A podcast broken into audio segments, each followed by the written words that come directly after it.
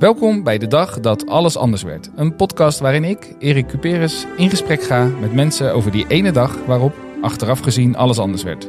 Vandaag is mijn gast Hubert Jan van Roest. Hij woonde samen met zijn vriendin Anne en Ella, zijn net geboren dochter, in Utrecht. 36 jaar. Hij was advocaat en partner bij het kantoor Langerak van Roest Advocaten. En ja, dat is dus zijn achternaam. Het hoogst haalbare voor een advocaat. Hadden net een lastige periode achter de rug waarin een compagnon was uitgetreden. Hubert Jan verzoop in zijn eigen praktijk en in een berg rommelige dossiers. In de avonduren deed hij al een beetje aan stand-up comedy. En eh, daarnaast werd hij ook wel eens gevraagd voor een training of een presentatiedingetje. Dat vond hij een stuk leuker dan op kantoor zitten. Albert Zijlstra stapt op na een leugen over zijn bezoek aan een Dasha. Toen hadden leugens nog consequenties, blijkbaar. Kjeld Nuis wint goud op de Olympische Spelen. Avicii overlijdt op zijn 28ste. En in Thailand zit een jongenselftal vast in een grot.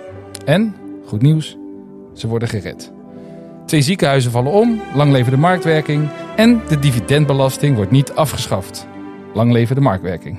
Verleden tijd van Frenna en Leo Kleine staat op 1 in de top 40. En toen werd het 18 oktober 2018 de dag dat alles anders werd. Toch? Zeker. Vertel. Ja, oh, nou die Thaise jongens in die grot, dat is een mooie metafoor. eh. Echt? Nou, Dus soort eh, Plato, maar dan met Thaise jongens. ja, nou, toen je dat verhaal even noemde, toen dacht ik, oh ja, dat was, was toen even zo'n big eh, nieuwsmoment. Ja, ik kan me zelfs herinneren dat Elon Musk zich er nog mee bemoeide. Die zou een, eh, een onderzeeër bouwen om ze te redden. Ja, ja, over makkelijk scoren gesproken. Ja. Nee, maar wat, wat, wat gebeurde er bij jou op 18 oktober? Want ik, ik schets net, je was advocaat, sterker nog, je was partner. Ja, En ik zei het, maar dat klopt. Hè? Als, als advocaat is dat het hoogst haalbare, toch? Partner. zeker. Eh, ja, en een namepartner, hè, dat is dan het, allerhoogst haalbare. Inderdaad, je naam op de voordeur. Eh. Ja. een eigen advocatenkantoor. Het was, eh, ik heb een tijdje terug eens een lijstje door zitten kijken wat ik als student maakte toen ik een keer geïnterviewd werd ergens over met alle dingen die ik zou willen doen in mijn Ja. leven en advocaat partner worden was er was er één Ja, dus, van. dus dat is gelukkig. Maar hoe, Ja. hoe, hoe, wa- hoe was dat dan? Ik bedoel, je, je bereikt dan uiteindelijk je doel. Dat is best wel vet, toch?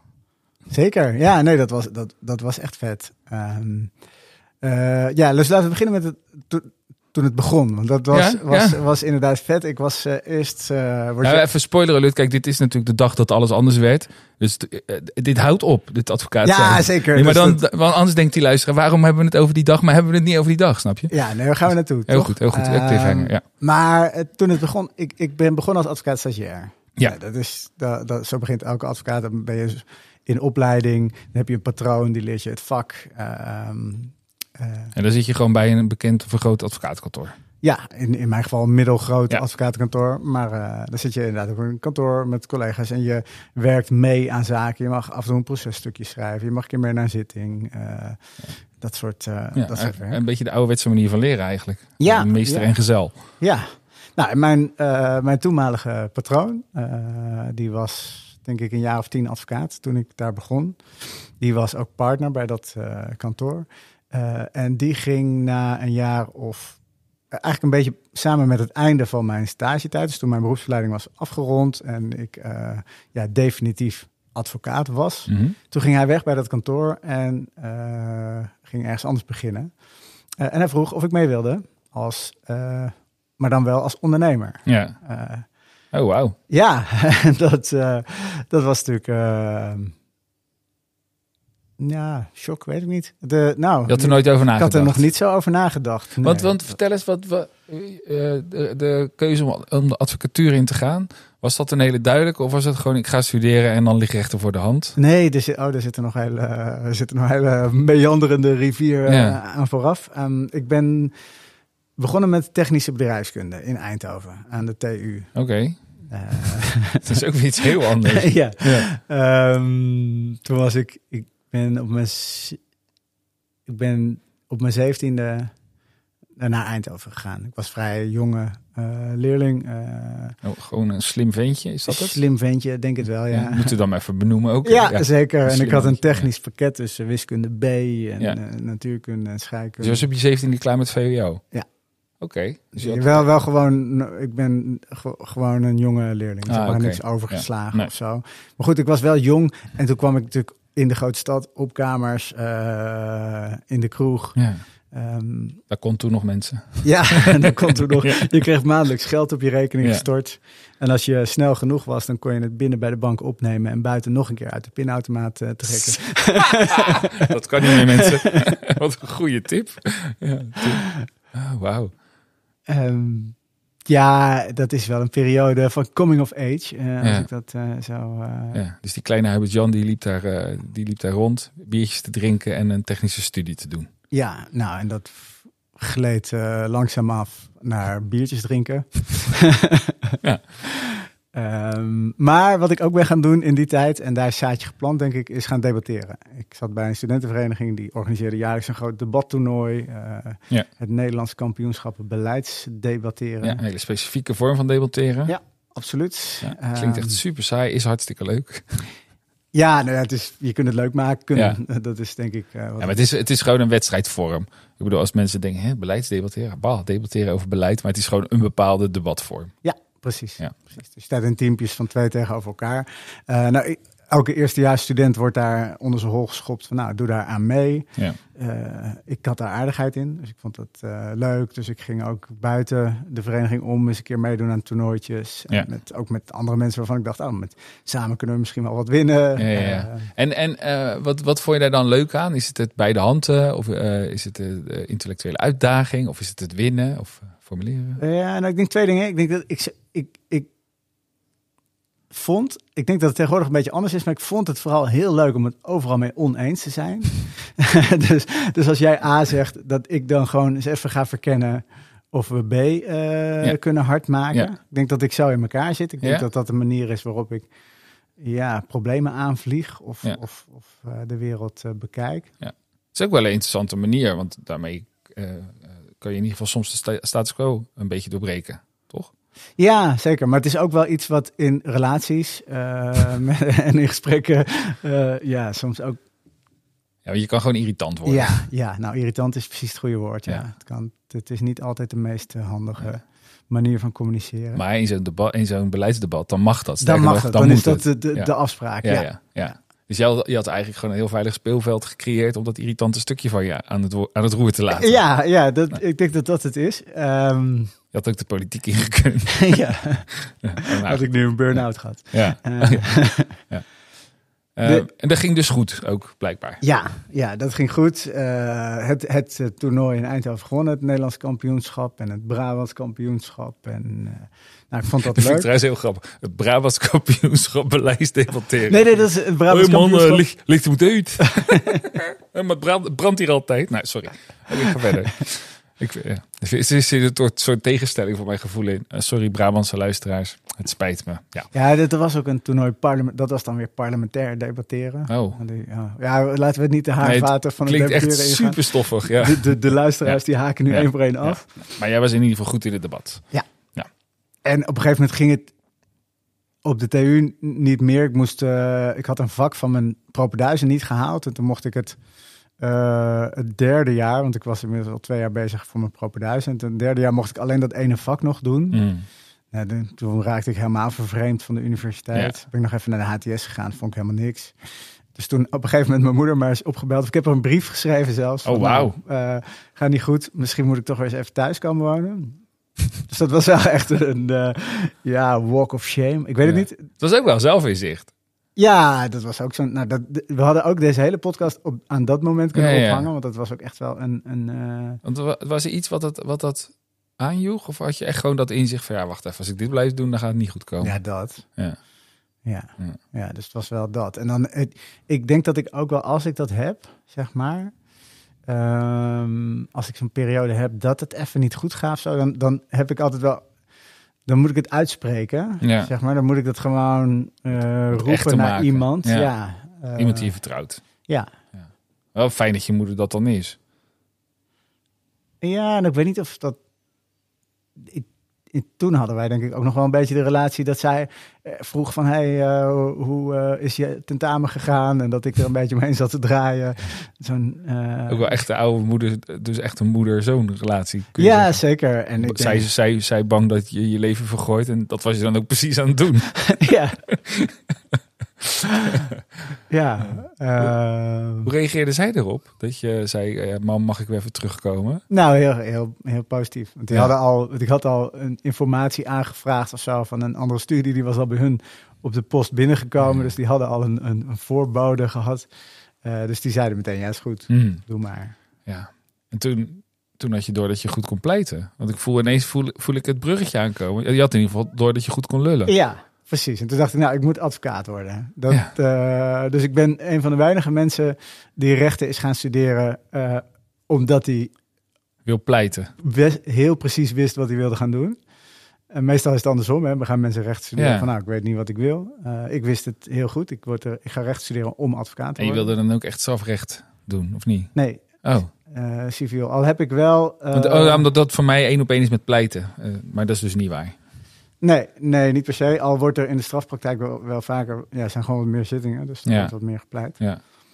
Uh, ik heb ook straf en civiel bachelorscripties gehaald. Uh, dus ik heb wel de paden Ja. allebei wel verkend. Maar toen had je duidelijk wat je wilde. En toen werd het makkelijker om te studeren misschien? Ja, ik vond het ook leuk. Ja. Ik vond het echt leuk. Ik, ik begon, dat het was fijn dat ik een nieuwe start had. Ik mijn eerste start was, stond gewoon in het teken van oh, studentenvereniging en op jezelf wonen en van alles wat ik toen aan het ontdekken Ja, was. het is ook precies wat je, je noemde het zelf net al coming of age. Ik denk dat dat precies is wat er toen gebeurde. Ja, De kleine Hubert werd een, eh, de kleine Hubert Jan werd een grotere her- Hubert Jan. Ik vind trouwens Hubert Jan wel een ultieme studentennaam ook. ja nee, zeker. ja, terwijl ik het zo zeg, denk ik, oh ja. maar goed. En het is nog steeds, als ik Ja. een, uh, een kakker tegenkom, dan denken ze meteen dat ik een van hun ben. Ja. Dus, uh, Ja. En, is dat zo? een beetje. Een beetje, ja toch? Ja, is ook niet Oké, dus, dus dat, toen ging het in ieder geval qua studeren een stuk beter. Want je had, uh, je had uh, een duidelijk beeld waarom je het deed. Ja, nou, en ik ontdekte gewoon dat studeren leuk kon zijn. Ja. Dat, uh, dat had ik nog niet eerder ervaren. Hmm.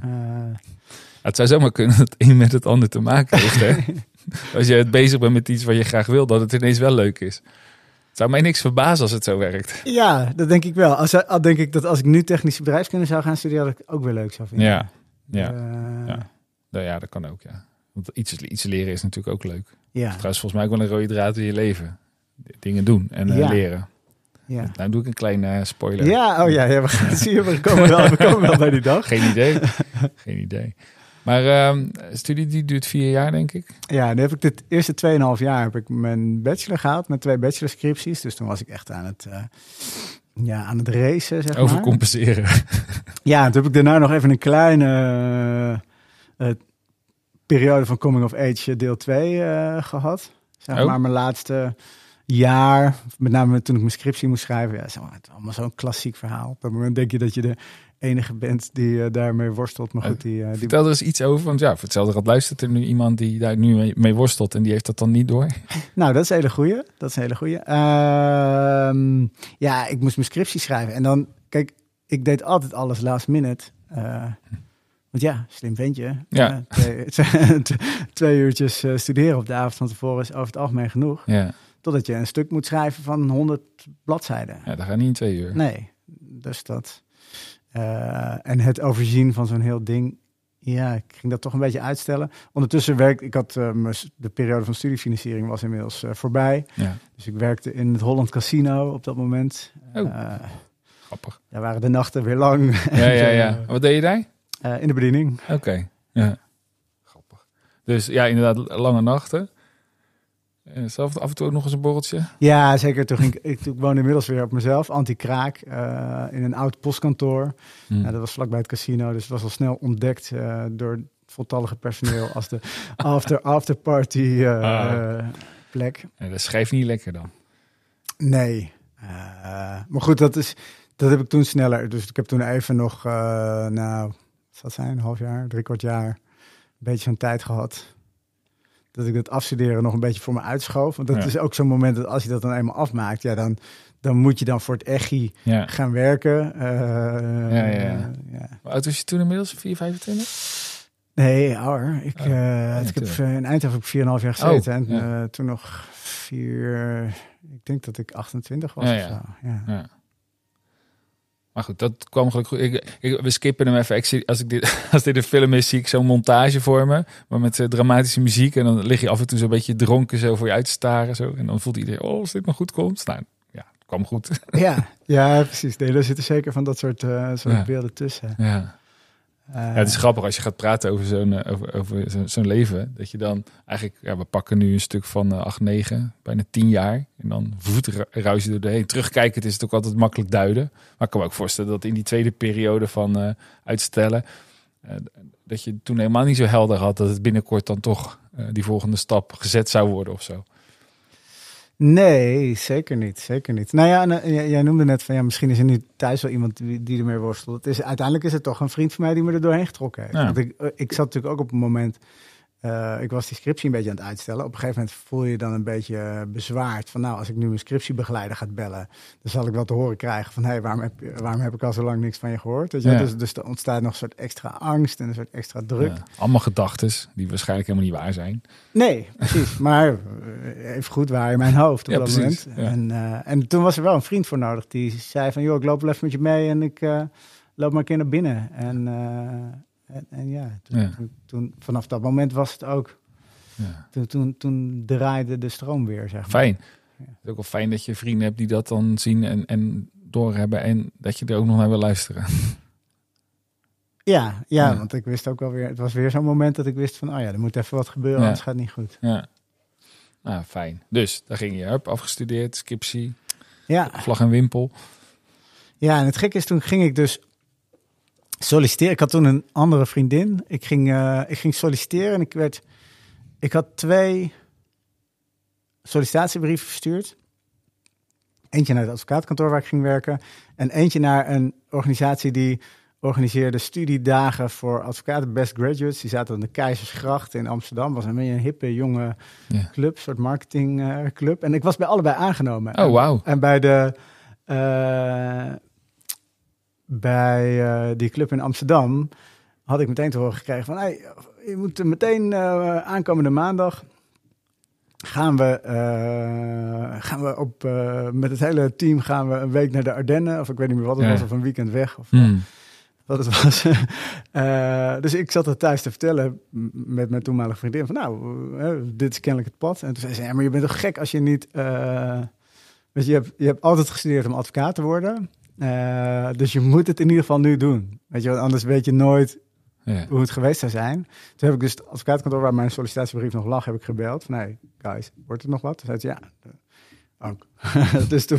Dat is ook lekker. Maar wat, een- wat een ongelooflijke rijkdom. Als je gewoon vanuit een, al een baan hebbend gewoon kan bellen en zeggen van... Ja, hey, eh, luister, ik heb een baan. Maar misschien eh, willen jullie iets met me? Dat is, dat is wel fijn. Dat is wel een fijne plek. Ja, dat was wel een soort luxe, ja. Ja. Eh, die, en goed, toen moest ik die andere natuurlijk weer bellen van, hey, kom toch niet. Wat Ja. weer niet zo leuk is. Nee. Maar goed, die zijn dat inmiddels al lang weer vergeten Ja. natuurlijk. Eh, maar ik moet, moet er nog wel eens aan denken van, ja, was dat, weet je, had ik daar dan... Want daar voelde ik ergens al van, oh ja, het advocatenleven. Want ik, de, ik wist natuurlijk wel, van als advocaat moet je eh, dossiers netjes bijhouden en termijnen bewaken. En alles wat misgegaan was tijdens mijn scriptie, of alles, wat, hè, alles Ja. waar ik dan... Dat zit wel gewoon in dat werk. ook. Ja, Dat dus- is heel leuk, maar er zit wel van alles. Ja, als je, als je, ik denk, ik ben het niet, jij, jij wel, maar ik denk dat het vak van advocaat, het, het deel wat jij leuk vindt, dat is misschien 20% van de tijd. Ja, dat is een vrij optimistische inschatting. Ja, precies. Ja. Dus nou, 10%. Dus je bent 90% van de tijd ben je dingen, be- bezig met dingen die je minder leuk vindt. Om het Ja. voorzichtig uit te drukken. Wat overigens in veel vakken natuurlijk aan de hand is. Ehm, ja. En eh, dat had je ook wel kunnen weten. Ja, nou, en eh, eh, wat ik uiteindelijk zie, want ik werk nu best wel veel weer met advocaten. Ja. Dus je, je kan natuurlijk ook eh, gaandeweg je carrière, kun je wel je eigen werk steeds meer naar je hand zetten, Ja. zodat je meer de dingen doet die je leuk vindt en Ja. andere dingen meer aan andere mensen overlaat. Maar goed, als je net begint natuurlijk. Maar het is grappig. hè. Ik weet natuurlijk wat je nu doet en daar komen we zo ook op. Die eerste baan, die had toen al veel beter bij je gepast. Waarschijnlijk was dat al heel erg in de buurt van dingen die je nu ook doet. Ja, dat denk ik. Ik denk dat het wel. eh, ik wil, zou, zou dan een soort ambassadeursfunctie inderdaad Ja. krijgen om studenten Ja. bij elkaar te harken die er Ja. mee wilden doen. ja, ik geloof heel erg dat je uiteindelijk eh, als je je gevoel maar blijft volgen. ehm, en, en natuurlijk moet je ook wel gewoon dingen doen die niet zo leuk zijn. En weet ik veel werken. En, eh, maar als je gevoel blijft volgen, dat je gewoon uiteindelijk gewoon precies datgene wordt wat je bent. Ja, ja, ja, precies. En af en toe gewoon even die, die stekker er een keer eh, hard uittrekt. Of Ja. een keer ergens naartoe Ja. springt. Ja. Ja, behalve als je blijft geloven dat, eh, dat andere zaken belangrijk zijn. Maar nou maak ik wel een hele grote sprong. Want ik even terug naar jouw eh, je eerste sta- stap als advocaat. Eigenlijk dankzij je vriendin. Je toenmalige vriendin die zei van nou misschien moet je toch even onthouden wat je van plan was. Even wel, en dat is wel, ik denk dat dat een goed advies is aan mij hoor. Want ik, ben Ja. wel de ik heb wel de neiging om, om ja, van lane te switchen, zeg maar. Je En bent dat- volgens mij hartstikke creatief. ja. En dat is misschien een handicap voor een advocaat. Ja, en ik denk, ja, ik denk sowieso een handicap voor iemand die een soort carrièrepad wil volgen. Je, Ja. Een creatief iemand zal toch steeds wat nieuws, weet je Ja, wel, ja. steeds wat, wat willen maken, steeds wel wat. Ja, dat is, dat is heel interessant. Want eh, bij mij schiet dan nu gelijk Jochem Meijer in mijn hoofd. Die volgens mij een van de meest creatieve gasten is die er is. Maar als je podcast met hem beluistert, zie je ook dat hij heel, eigenlijk heel staccato, heel veel voor zichzelf heeft geregeld. En daarbinnen is hij, lijkt hij, lijkt hij heel creatief. Ik weet niet eens of hij dat dan echt is. Hij zegt ook dat hij het heel moeilijk vindt om materiaal te bedenken, dat het heel traag gaat. Je zou denken, hij heeft een creatief beroep, maar hij heeft heel veel dingen geregeld. Heel veel in hokjes gezet. Ja, volgens mij heb je veel, verschillende lagen van creativiteit. Ja. Ik, ik ken comedians die ik heel creatief vind. ja. En die zijn niet per se succesvol, want die zitten op zo'n soort oervorm van creativiteit dat niemand het meer snapt. Ja. En dan heb je de gasten die daar, eh, ja, die eigenlijk een laagje dichter bij de, de realiteit zitten of bij de normale mensen zitten. Die zijn vaak een stuk succesvoller, omdat die, ja, wat meer, Die vinden aansluiting. die vinden wat meer aansluiting. Dus dan zou er een soort correlatie zijn tussen creativiteit en gekte misschien. Ja, dus ik denk dat Jochem Meijer erg in die aansluitingslaag Ja. zit. Dus die weet een heel groot publiek te, te, Ja. te En volgens mij heeft hij dus ook nodig om, eh, maar goed, nou hebben we het over iemand anders, maar om, om, om eh, heel veel dingen te kaderen, waarbinnen die dan een soort vrijheid creëert. Ja. En misschien, want ik zei net, ja, een advocaat hoeft niet per se creatief te zijn, maar dat is natuurlijk onzin. Ik denk dat dat een heel, misschien een heel groot stuk ook juist creatief kan zijn. Als je binnen die hele strakke kaders van die wet, want dat is een vrij strak kader. Als je daar binnen nog iets nieuws weet te vinden, dat vergt een enorme creativiteit. Ja, zeker. Nee, dus ik vind ook wel, toen ik, toen ik er net mee stopte, zeg maar, dan gaan we toch Oh, naar de oh, dag je hebt het verraden. Ja, oh, oh. Oh, mensen, hij is gestopt. Nee, toen was ik het helemaal zat. Eh, dus dus als, ik, als je me toegevraagd had, dan had ik gezegd: Oh, het is een verschrikkelijk vak. Maar dat, dat is niet meer zo. Eh, want ik kan me ook, nu ik wat meer afstand heb, ik kan me echt wel periodes herinneren dat, dat, dat hele puzzelen en tijdlijntjes in elkaar zetten en stroomschemaatjes maken van hey, Ja. welke partijen zijn hier nou eigenlijk allemaal betrokken en zo. Gewoon dat, ja, is- ik weet niet of het een creatief proces is of ook een beetje een ordeningsproces. Dat Het vond is ik wel leuk. combinatie van, denk ik. Ik weet niet hoe jij creativiteit eh, definieert. Ik heb ooit eens geprobeerd om het te definiëren. En toen kwam ik zoiets over eh, als op een, een, een nieuwe combinatie maken van alles wat je weet. Dus en, en alles wat er is. Dus er zijn allemaal dingen die er. En die verbind je op een nieuwe manier aan elkaar. En dat, dan komt daar iets anders uit dan wat iedereen verwacht. En dat is dan creatief. Zo. Ja, ja, ik heb, heb je de Artist Way eh, gelezen? Ja, Die, Ja. ja, nou, dat, dat, volgens mij is dat het een, een beetje. Er is een soort bron van creativiteit, ligt buiten jezelf. ja, En daar moet je contact mee weten te maken. Ja. Ik denk dat in ieder geval dat frame werkt voor mij beter dan. ja. Oh, het moet allemaal uit mezelf komen. Ja, ja, Dat, ja, dan ga je een soort oerkreten uitslaan die nooit. Ja, nou ja, le- le- leuk. Misschien komen we daar ook zo nog op terug. Creativiteit vind ik su- Ja, ik denk dat dat mijn grootste talent is. En ik weet niet precies wat het nou is. ik weet wel dat ik altijd in elke situatie in mijn leven, als ik iets deed, dat ik iets zag waarvan ik vond dat het anders moest. Je zou het ook gewoon stront eigenwijs kunnen noemen. Ja, ja. ja, is interessant. Ja, is dat creëren of is dat ombuigen? Of is dat. Ja, zou je, je, je kunt volgens mij namelijk niks creëren. Het is onmogelijk om iets. Kijk, je weet namelijk al van alles. Dus er is altijd al iets aanwezig. Ja, dit is een beetje Ah, je semantisch. kunt niks creëren van niks. Nee. Ik denk dat dat. Je, je kunt wel creëren van Lego blokjes, maar je Ja. kunt niet creëren van niks. Dat Nee. kan alleen dus er zijn al- schepper, zeg maar. Ja, precies, precies. Ja, of, of evolutie, of een beetje afhankelijk van welk boek je gelooft Ja. of volgt. Maar goed. Ja. Nou ja, jij werd in ieder geval advocaat. Er zaten leuke kanten aan, er zaten minder leuke kanten aan. Toch? Ja, ja, nou ja, kijk, en dat is wel. Ja, want eh, we, we begonnen net, dat is grappig, we zijn er heel ver van afgeweken. Maar je werd dus gelijk na je stage, kwam die vraag van, hey, eh, om hem dan even daarna terug te trekken, wil je ondernemer worden?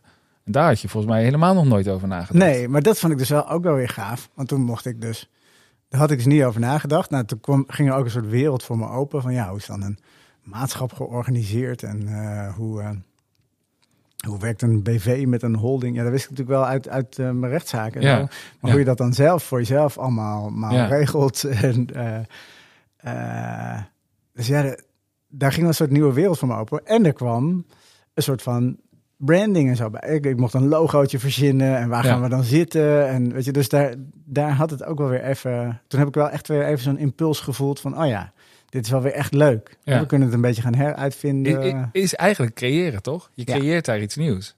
Dus dat stuk in jou werd aangesproken. ja, Als ik dan zo vrij mag eh, psychologiseren. nee, maar dat is zeker waar. Dat is zeker waar. Dus toen was je eigenlijk vrij snel naampartner. Of niet? Dat was ja, dat, dat, was is dat. Dus, eh, ja, dus waar ik op mijn nou, 29 of zo begonnen ben als stagiair, was ik denk ik op mijn 32ste partner. Ja. oh. Dus ik was, eh, ondanks al mijn ja, omzwervingen. ja, ja. Want, want al die gasten op die Zuidoost-kantoren waren toen net begonnen. Nee, joh, die moeten nog tien jaar wachten. Ja. Ja. Dus rookvertuig, dikke sigaar en genieten in je maatpak. Nou, ik had wel een pak aan, ja. Ja. Eh, ja, nee, ja, maar ik moest het allemaal zelf. Dat was wel, we, we hadden, ik ging, kwam vanuit een soort van organisatie met secretaresses en met, eh, ja, een heel georganiseerd ding. Ja. Hier moesten we toch gewoon een beetje ons eigen winkeltje eh, starten. Je zou ook kunnen zeggen dat jullie gewoon een VWF'je waren. Twee ZZP'ers Ja. die hun beste deden samen. In, in advocatentermen een potloodkantoortje. Maar het is grappig hè, hoe je gewoon door het anders te noemen ineens een heel ander beeld kan creëren. Want de, en de twee advocaten die dan samen gaan, nou, dan worden we ons eigen, worden we ons eigen kantoor. Maar dan ben je net zo goed ook naampartner. En dus het is maar net wel, welke toon je aanslaat eh, tegen wie. Eh, mensen die de advocatuur kennen, die zullen denken, ah, die twee gasten. Wat, eh, jij, daar is dus een term voor, een potloodkantoortje. maar als jij op een willekeurige partij staat ergens te borrelen en je zegt, ah, ik ben een naampartner bij je. Dan zeg je, zo, heb je goed gedaan op je 32e. Ja, nou, dat is, en daar ben ik me tegenwoordig in comedy. En ik ben tegenwoordig heel bewust van dat je dus zelf je eigen merk kunt creëren en je eigen beeld kunt creëren en zo. Dat is, en dat is misschien daar ook wel alvast een beetje begonnen. Ja. Ook wel in projecten die ik daar gedaan heb. Ja, grappig hè. Hey, eh, dus hoe lang heb je dat volgehouden? Want ja, de luisteraar weet inmiddels al dat je Eh, bent ja, gestopt. Ja, nou, nog een jaar of eh, vijf, denk ik. Ja. Ja. Vier, vijf. Ja, zoiets. Hoe leuk was het in het begin? Ehm, ja, nou, zal ik een cijfer op plakken? Ja. ik denk dat het wel een, een acht was. Ja, en dat Ja. zat dan in dat creërende deel, vermoed ik. Iets nieuws starten, met elkaar ergens aan werken. Ja, en ik had ook wel weer, ja, die eh, weinig legacy ook dan. Je hebt een paar dossiertjes meegenomen. Ja. Gewoon wel weer fris erin stappen. Hoe is zo'n moment dat er ineens een eerste echte klant komt? Een eerste eigen klant die dan binnenharkt? Ja, dat soort dingen ook heel tof. Ja. En ik, mijn praktijk verschoof ook een beetje. Ik zat altijd, we zaten in een vastgoedpraktijk met veel zaken tegen banken en zo. Ja. Ik ging meer arbeidsrecht doen en ik ging wat meer, ja, toch- een beetje de, de kleine ondernemingspraktijk. Ja. Eh, maar hartstikke leuk. ja.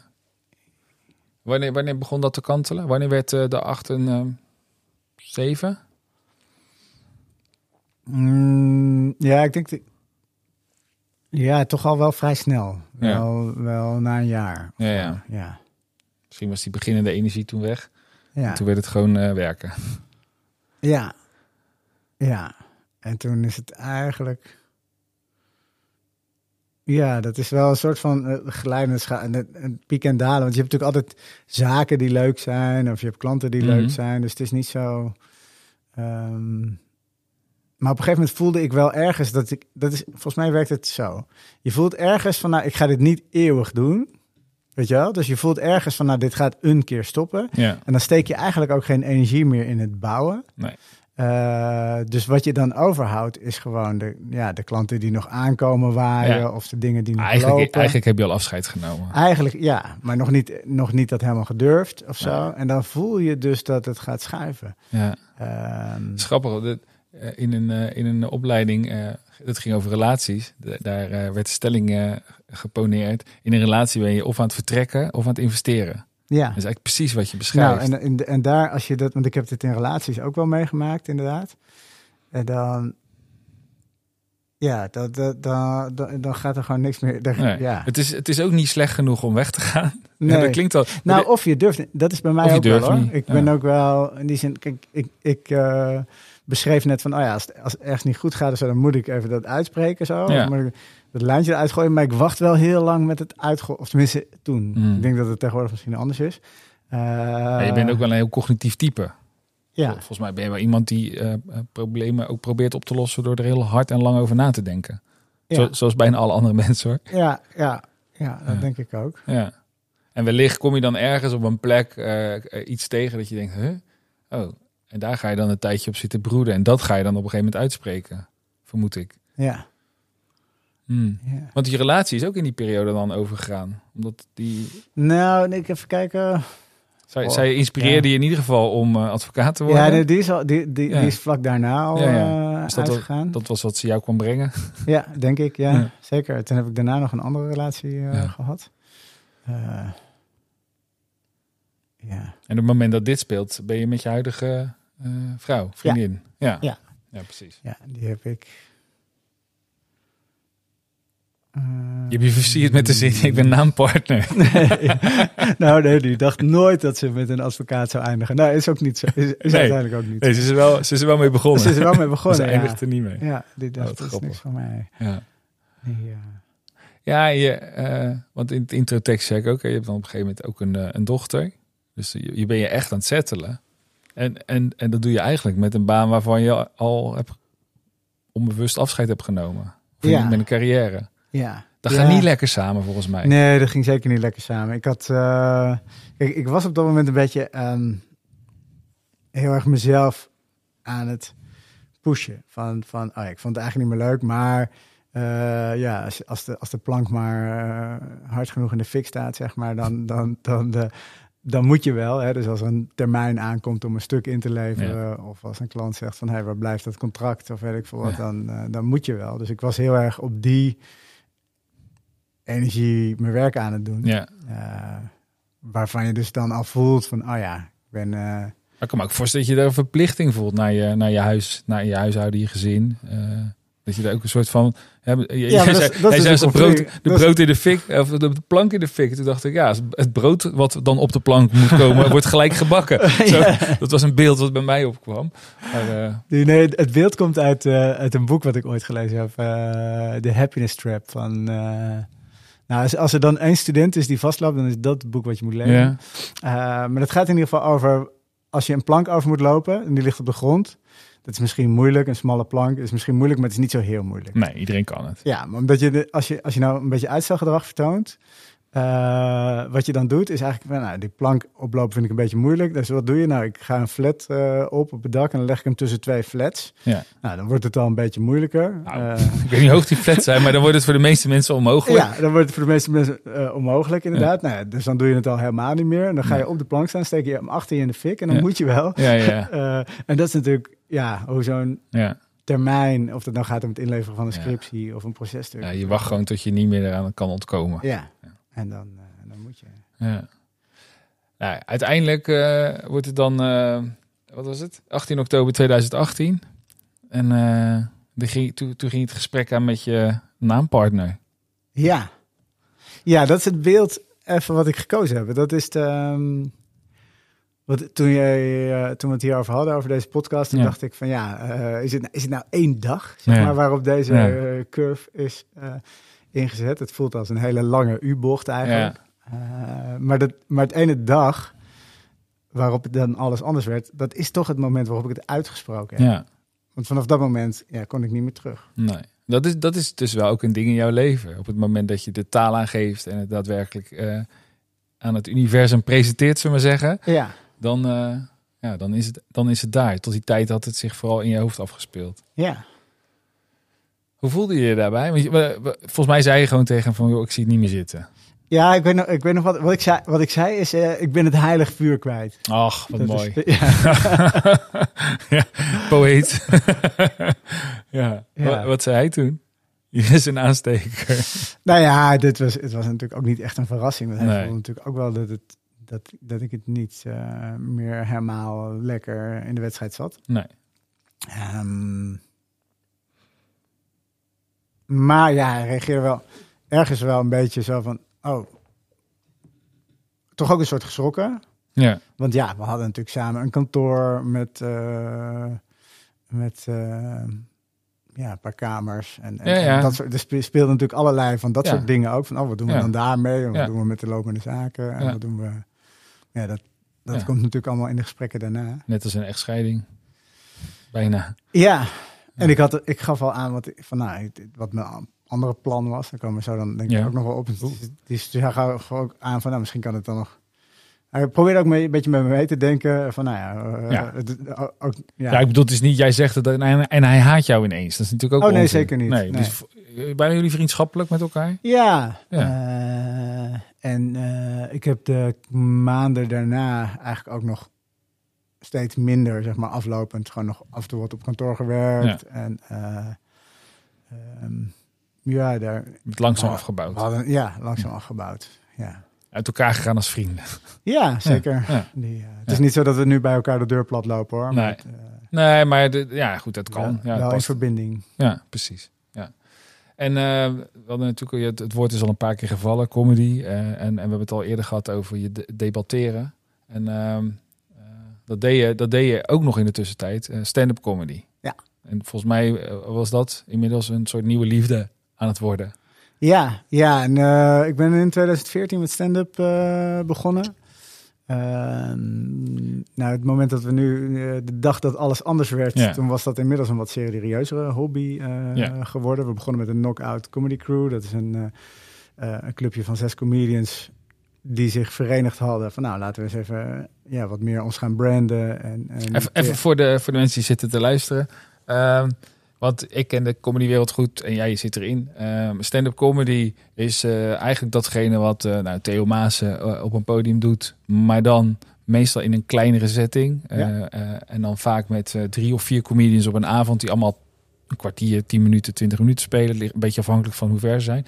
En er is een heel circuit van allerlei plekken in Nederland, variërend van waanzinnig mooie zalen eh, die er helemaal op gebouwd zijn. Dan een Toemler, Club Haugen en nog vele andere. Tot eh, eh, kroegen met een krat in de hoek. Eh, en daar is dan een open podium. Ja. En als je daar meer over hoort, raad ik je aan om vooral eens een keer naar Wouter Monders een Elektra podcast te luisteren. Want daar spreekt hij elke comedian in Nederland over de meest afschuwelijke ervaringen. Want die horen daar zeker bij.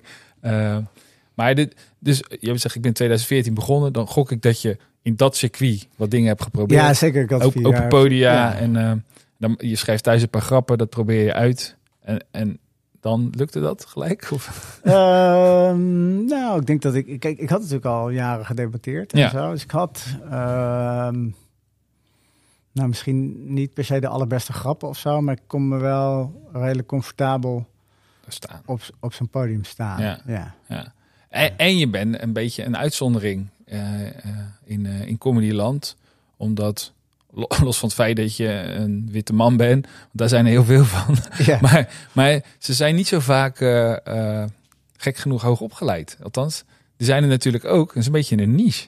ja, nou wel steeds meer, denk ik. Vroeger Ja. had je natuurlijk dat cabaret voor de hoogopgeleide was een stand-up van de straat. Ja, een beetje de. Ja, Eh, maar tegenwoordig is stand-up populair. En Ja. dan wordt het natuurlijk gauw weer gekaapt eh, door de, de, de Gooise kindertjes. ja. Dus, dus inmiddels eh, is het denk ik wat minder zeldzaam. Maar goed, ik ging toen gewoon uit mijn werk in mijn pak naar de club. ja. Best bijzonder, toch? ja. ja. Grappig beeld. Ja. En, dan, en eh, hoe vaak deed je dat dan in het begin? Want dan is het hobby. Ik denk dat ik het meteen eh, vanaf dag één wel iedere week heb gedaan. Oh, wauw. Ongeveer. Zo, Ja. ook, dat is eh, commitment. Ja, maar ik vond het leuk. Ja. Het was gewoon, ja, waar, waar, waar je het eerder zei van ja, 10 of 20 procent van het advocatenwerk is, is spreken of is pleiten, Ja. zeg maar. Ja, dat was gewoon mijn ding. Dat, Ja. is, dat was gewoon het ding wat ik het leukst vond. Dus, Ja, dus het maakt niet uit of ik naar Limburg moet rijden voor acht minuten Mm. eh, mezelf voor praten. Ja. ik werd daar intens gelukkig van. Ja. Grappig. Dat hoorde ik inderdaad een comedian ook een keer zeggen. Dat de meeste comedians zo narcistisch zijn dat ze in staat zijn om twee keer anderhalf uur in de auto te zitten Ja. om vijf minuten tegen een groep aan te praten die het niet willen horen. ja, precies. Dat is echt een soort masochistisch bij. Maar goed. Maar je vond het leuk en, en, en het ging behoorlijk goed. Ja, nou, we, uh, ja. ja en, oh ja, sorry, want ik onderbrak je op het punt dat je zei... we richten de Knockout Comedy uh, Crew op. Dus dat was een uh, poging, of in ieder geval ook weer... want voor mij ben je daar best wel handig in. Um, een merk erop plakken, je verbinden met anderen... om iets zichtbaarder te worden. Om, om zelf dingen te organiseren misschien. Ja, ja, want het is, ik bedoel, je, je kent de comedywereld goed. als je ergens tussen wil komen, dan heb je Toomler, uh, nou, Comedy Café, Comedy Café, en Haug, ja. Haug, Comedyhuis. Dan houdt het wel eens een beetje op. Als je echt wat voor elkaar wil krijgen, kun je het beter zelf uh, regelen. Um, ja, nee, dat klopt. Er zijn een aantal hele ondernemende comedians, misschien niet eens per se de allergrappigste. En die organiseren hele leuke comedy dingen. En dan hebben ze zelf ook gelijk een podium. Ja, ja. nee, dus dat was uh, niet zozeer dat wij avondjes gingen organiseren, maar meer uh, Arjen Claton, dat is een uh, goede vriend van me, ja. zit ook bij de crew. Die is toen een theaterimpresariaat begonnen, ja. begon ons een beetje te verkopen. Was natuurlijk ook het moment waar ik wat meer oud was als comedian. Hè. Eerst deed ik het nog een beetje onder de radar. Ja, je was uit de kast gekomen, de, comedy de. Ja, precies. Dus ik ging toen ook meer, ja, toen, toen, rond die tijd ben ik ook begonnen met Instagram en zo en fotootjes delen van, hey, ik ben dat aan het doen. Ja dat paste ook niet meer helemaal met het advocatenkantoor. ik, ik kan even een leuk voorval. Ja, is, uh, uh, hoe dat dan op zo'n advocatenkantoor gaat. Ja, je hebt natuurlijk wat, alles wat je aan publiek doet, moet toch een beetje besproken worden. Mm En ik had een keer meegedaan aan uh, per seconde wijzer. dus ik had, ik had meegedaan aan, aan, de, aan de, hoe noem je dat, de testdagen. Ja. Uh, en toen vertelde ik dat later tijdens de lunch op kantoor. Ik was me van geen kwaad bewust dat iemand daar ook maar iets van zou kunnen vinden. En dus toen zei een collega, dat is niet mijn naampartner, maar een andere compagnon, die zei van ja, dan had je toch wel even moeten overleggen met de maatschap. Want ja, stel je voor dat je daar meedoet en je geeft allemaal foute antwoorden, of weet ik veel wat. Ik dacht, jeetje, als we toch over per seconde wijze al moeten overleggen, dan moet je eens weten wat ik op vrijdagavond ja, ja, de wereld in staat te slingeren. Ja. Uh, dus ja, dat tekende zich ook al af dat het ook. Je kunt je kunt natuurlijk wel allerlei gezichten hebben of zo, maar het moet wel op de een of andere manier kloppen met elkaar. Ja. Dus daar... Het is grappig, ik zat over na te denken. Ik, ik geloof het dus totaal niet. Ik weet wel dat die wereld zo werkt, maar ik denk namelijk, ik denk serieus dat, dat het een verademing zou zijn als er een hele bekende strafpleiter daarnaast, en dat zie je natuurlijk bij die hele bekende ook wel, of gewoon voor mij part een wat, wat voor pleiter dan ook, daarnaast echt een hele succesvolle comedian zou zijn. Want je hebt volgens mij dan ook gewoon een voorsprong in die rechtszaal. Ik denk echt dat mensen denken, hé, hey, wat leuk, hij is er. Ja, ja. Dus tenzij... Nou, ik denk ook dat het kan, maar dat is dan ook je kantoorprofiel, zeg maar. Ja, dus dan moeten je collega's dan ook een beetje in mee zijn. Dat werkt denk ik als je de grootste, als je de biggest swinging dick van kantoor bent, zeg maar. Dan zou dat goed kunnen. Ja, ja.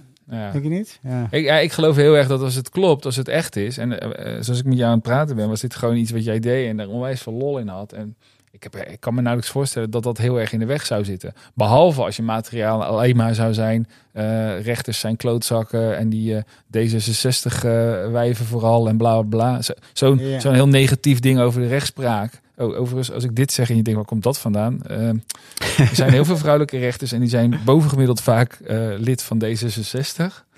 Daar kan ik verder niks aan doen. En ik drukte me heel ongelukkig uit. Maar ja, dat is dan weer wat ik doe.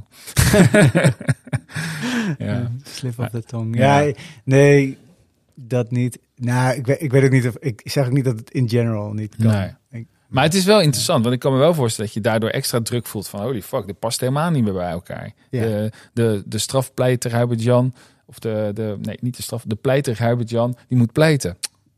Pardon, Pats. Ja. Uh, want de comedian die had uh, gewoon meer uh, ruimte nodig. Ja, de comedian had meer ruimte nodig. Ja, dus, dus ik had ook een way out. Ik, ik, had, ik had nog niet een vast omlijnd plan van, nou, comedy gaat. Ik bedoel, er is geen droog brood te verdienen in comedy. Dus dat is natuurlijk niet echt een carrière. ik wil net zeggen, als dat, als dat je way out is, dan is het wel een heel far-fetched plan. Maar uiteindelijk heb je dat behoorlijk goed voor elkaar. Ja, nou, ik was, ik was, ik denk een aantal maanden daarvoor was ik door een vriend, een studievriend van vroeger, gevraagd om eens een keer een debattraining te geven bij zijn uh, bedrijf, groot IT-bedrijf. Ja. En daar kon ik wel een leuk bedragje voor factureren. Ja. Uh, wel in de zin dat ik dacht, oh ja, dat, dit is wel... Uh, Als ik dit x keer per maand doe, dan kan ik ervan leven. Ja, ja, Hoeveel keer is x ongeveer? Eén. Echt? Oh, oké. nou, lekker. Ja, nee, maar dat, nee, maar, dat, maar dat is chill als je dat eenmaal ziet. Uh, en je weet van, oh, nou, hier hoef ik eigenlijk maar een paar van binnen te halen. En dan kan ik gewoon uh, freewheelen. Kan Ja. leuke dingen doen. Ja, hey, dus, dat, is, dat is nog geen riant leven hoor, maar dan heb ik een droge. Ja. Zo, zo stond ik er wel in. Ja. Ik denk, oh, oh moet ik eh, zeg maar het hele jaar eh, sp- spaghetti eh, met ketchup eh, eten Ja. en, en verder niks. Godverdamme. doe, doe er dan op zo'n pesto doorheen. ja, nee, ja, oké, dat dan moet je al iets meer Oh, weer oh. Maar nee, maar dat was wel Ja. dat ik dacht, oké, ik moet gewoon deze jump maken. Ja. Zeg maar. Eh, Hoe, eh, hoe vonden ze dat thuis? Of eigenlijk, hoe vond ze dat thuis? Ja, eh, eh, Anne heeft mij gewoon 100% gesupport. Wat fijn. Die, Maar ja, je zei al, ze, ze, ze had überhaupt nooit verwacht dat ze met een advocaat zou zijn. Nee, dus die wist misschien ook wel, die kennen mij ook wel. Die Ja. wist misschien ook wel dat dit niet heel eh, gelukkig Ja. was. Ja, en de, eh, mijn, mijn dochter was dus ook daarvoor ge- geboren. Ja, En toen zat ik dus ook een beetje al richting die afwikkeling en eh, ehm, nog wat lopende zaken en zo. Dus ik, in die hele periode van, van, van verlof, waar zij dan nog even thuis was met Ella. Ja. Ja, toen was ik gewoon op kantoor aan het beuken. Zo. ja, Dat was ook wel, dat was ook wel echt wel zo'n laatste zetje van dat ik dacht, ja, maar dit wil ik niet. ja. Hey, nou ja, maar ik vind, ik, ik vind het zo leuk, want ehm, ehm, ik kan me zo goed voorstellen dat er mensen zijn, en nou, daar hoor jij dan niet bij, maar die dan helemaal vast zouden komen te zitten in, in zo'n in het geloof van ja, maar dit is mijn carrière en ik heb eh, mijn huis in Utrecht en ik heb mijn gezin. En, hoe kan ik dit nou allemaal opgeven? Maar blijkbaar was iets anders bij jou sterker. En of dat, nou ja, dat zal gewoon de aard van het beestje zijn, vermoed ik. Nou, ze zeggen, wel- ze zeggen wel eens dat, dat eh, switchen, zeg maar, als je, als je ooit eens een keer een stap maakt, of als je een keer van relatie bent gewisseld, of je bent een keer verhuisd of zo, dat je daar flexibeler, je wordt daar gewoon flexibeler Ja. van. Dat je gewoon leert van, oh ja, eh, het is even heel onzeker de komende paar maanden, Ja. maar het komt wel weer goed. Ja, ja. Eh, en ik denk dat ik inmiddels wel echt wel, als- ik morgen stop met wat ik nu doe, dan geloof ik ook weer dat het goed komt. Ja, je hebt gewoon het vertrouwen dat jij genoeg bent en of kennis hebt en, en, en competenties om er wel weer uit te komen. Ja, Wat ik ook vermoed trouwens, als ik met je praat. ja, er is altijd wel, er is altijd wel een weg. Ehm, dus thuisfront steunde je, jij ging op pad. Eh, comedy was, was de lifeline. Vind ik heel grappig. Comedy als lifeline. Oh my god, wat een slecht idee. Maar gelukkig, ja. nou ja, die en ja. dat een Ja, training geven. Dus ik had Precies, wel een soort precies. van beeld van, ah ja, ik ga, ga me daar gewoon op richten. ja. Gelukkig brak een jaar later corona uit en Ja. het hele land plat. Lekker Dus- getimed ook, ja. Ja. ja. Voelde dat persoonlijk? Nou, de grap is, ik heb, daar eigenlijk, ik heb dat eigenlijk als een zegen gezien, vooral omdat het, het was de Great Leveler. Kijk, ik was natuurlijk in die tijd was ik vooral bezig met eh trainingsbureautjes spelen. ja. Ja, er stond nog niet zoveel, dus ik moest iedere foto die ik van mezelf had, eh, waarbij ik een training gaf, moest ik 28 keer hergebruiken op LinkedIn. Ja. Eh, en op het moment dat het land plat ging en niemand meer iets deed, ja, was ik gewoon één van de trainingsbureaus die niks te doen had. In Ja. plaats van het enige trainingsbureau wat nog niks te doen had. Ja. Dus, dus het was wel, ja. En ik had ook, ik had, bedoel, ik had geen personeel om te ontslaan. Of met andere kantoren waren daarmee bezig. Ja, ja. Ja. ja, het is wel grappig, ja. Dus eigenlijk eh, kwam het op het goede moment. De Great Leveler. Ja, mooi. En, ehm, en, en ja, dan kon je ineens online ook allemaal dingen gaan doen en zo. Ja, dat heeft wel een stukje van mijn ziel weer uitgezogen. ja, we hebben. ah, ja, eh, ik, ehm, wacht even, ik ga nog even Ja. snel. Ik ben. eh, toen corona kwam, heb ik met Esther van der Voort, mijn huidige compagnon, bij Ja. Spreken voor het Publiek. Dat is wat ik, wat ik nu doe.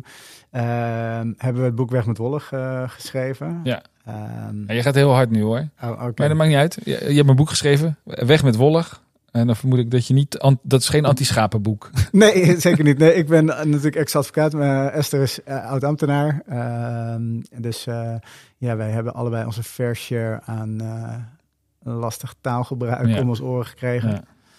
Ehm, en we hebben eigenlijk onze comedy-ervaring. Het gaat over spreken voor het publiek. Het gaat niet Ja. over schrijven. Hebben we een beetje in hapklare brokken op een rijtje gezet. Hey, en wat vind ik wel interessant, want ik, ik, waarom denk je dat mensen wollig taalgebruik gebruiken? Ik geloof namelijk dat alles een reden heeft en vaak onbewust. Ja, nou, dit, zijn- ik kan er wel tien noemen, denk ik. Ja. Ehm, Op tien. op tien. Op tien, onzekerheid. Eh, Ja? Dat is eh, heel vaak, eh, toch, het begint volgens mij op dag één op je nieuwe werk. Dan hoor je mensen praten over een SLA en dan heb Mhm. je geen flauw idee. En een dag later heb jij het ook over een SLA. Je Ja. weet nog steeds niet wat het is. Maar dan hoor je erbij. Ja, precies. Ja, dus uh, onzekerheid zet ik aan de angstkant. Want Ja. ik, ik geloof namelijk dat dingen bijna altijd in te delen zijn in, in twee categorieën. Angst of liefde. Ah. dus uh, angst Wat een duale visie. Ja, ja. Nou, ik kan, hem, ik kan hem minder duaal maken. Het is namelijk altijd liefde of een schreeuw om liefde. Ah, en dat is ook liefde. mooi, dat ja, mooi. Dan voelt het weer heel Ja. holistisch. Toch? Ja. ik hou daarvan. Maar eh, dus, ja, SLA. Oh, ik wil ook SLA. Zullen we een bila doen? Ja, Ja. ja. de, dus mensen gaan daarin mee. Ja. Daar zit dus ook een soort stukje ko- kopieergedrag in. Dus een, Mm. stukje naapen. Dat is ook een manier om eh, bij een groep te horen. Het is ook jezelf status, hè? dus het speelt ook heel erg mee. Dus Ja. je- jezelf omhoog halen. Ja. De- wel Want toen jij net SLA zei, toen dacht ik, ja, ik weet dat het een service level agreement is. Voelde ik wel. Dat voelde ik echt. Ja, ja, ja, dus even dat. Zo Ja. van, hey, ik, ik weet dat. Ja, Eh, maar soms ook richting een ander. Van, oh ja, bij de gemeente of zo. Dus mensen denken van, nou, ik moet een, een brief schrijven. Ja, ik kan maar beter een paar moeilijke woorden in staan. Want het is wel een brief van de gemeente. weet je ja. wel. Dat er toch bijna een soort statusdingetje Mm. in zit. Van, nou ja. En zou het ook nog bewust worden ingezet om, om het onbegrijpelijk te maken? Dat het echt gewoon bedoeld is om, eh, om anderen te verwarren? Zeker, want soms kun je ook niks zeggen. Hè? Als, eh, als eh, Mark Rutte geïnterviewd wordt Ja. over van hey, hoe zit het nou eigenlijk met die budget cap op energieprijzen? En, Mm. en hij weet dat op de achtergrond nog allerlei ambtenaren nog allerlei uitzonderingen aan het uitzoeken zijn. Ja. En Zo zal hij er toch een beetje omheen moeten lullen. Ja. En dan is het toch makkelijker om. eh, ja, Ik vind van alles van Mark Rutte, maar wat die echt, waar die echt geniaal in is, is om eh wollig taalgebruik eh, heel simpel te laten klinken. ja, hij gebruikt geen moeilijke dat woorden. is ongelooflijk. Maar hij gebruikt wel heel veel containerbegrippen. Ja. Maar als je hem hoort praten, dan, dan heb je bijna het idee, oh, maar die man die echt heel duidelijk wat hij zegt. En als je dan, bij wijze van spreken, als hij dan wegloopt, denk je, hè, maar hij heeft helemaal niks gezegd. Nee, maar hij, hij spreekt in korte zinnen, Ja. zonder al te veel moeilijke woorden. Eh, Dus dus is geniaal. daar komt dat door. Want ja. alle, alle andere politici, of bijna alle andere politici, doen dat dus verkeerd. In die zin, die gebruiken wel ingewikkelde termen en nuance ook. Die gebruiken nuance. dat is niet de bedoeling. Oké. Wollig. Ja, nou, dus, maar dat was Ja. eigenlijk, ik gebruikte ik dat net als bruggetje naar het online eh, deel. Want jij zei van, hey, je hebt toen online allemaal dingen gedaan. En dat was ja, rondom dat boek, werden Ja. we gevraagd. Nou, dat was echt, daar hebben we wel dingen meegemaakt. Maar wacht even, want, eh, ja, we gaan zo naar het online. Maar volgens mij, want je zit ook gelijk in een niche. Ik vind sowieso een briljante titel, Weg met Wollig. Iedereen snapt waar het over, tenminste bijna iedereen snapt waar het over gaat. Niemand is het ermee oneens. Nee. Dat lijkt me heel sterk dat de mensen, nee, nee, we moeten meer Wollig. Nou, misschien een paar mensen, maar die zullen dat niet hardop zeggen.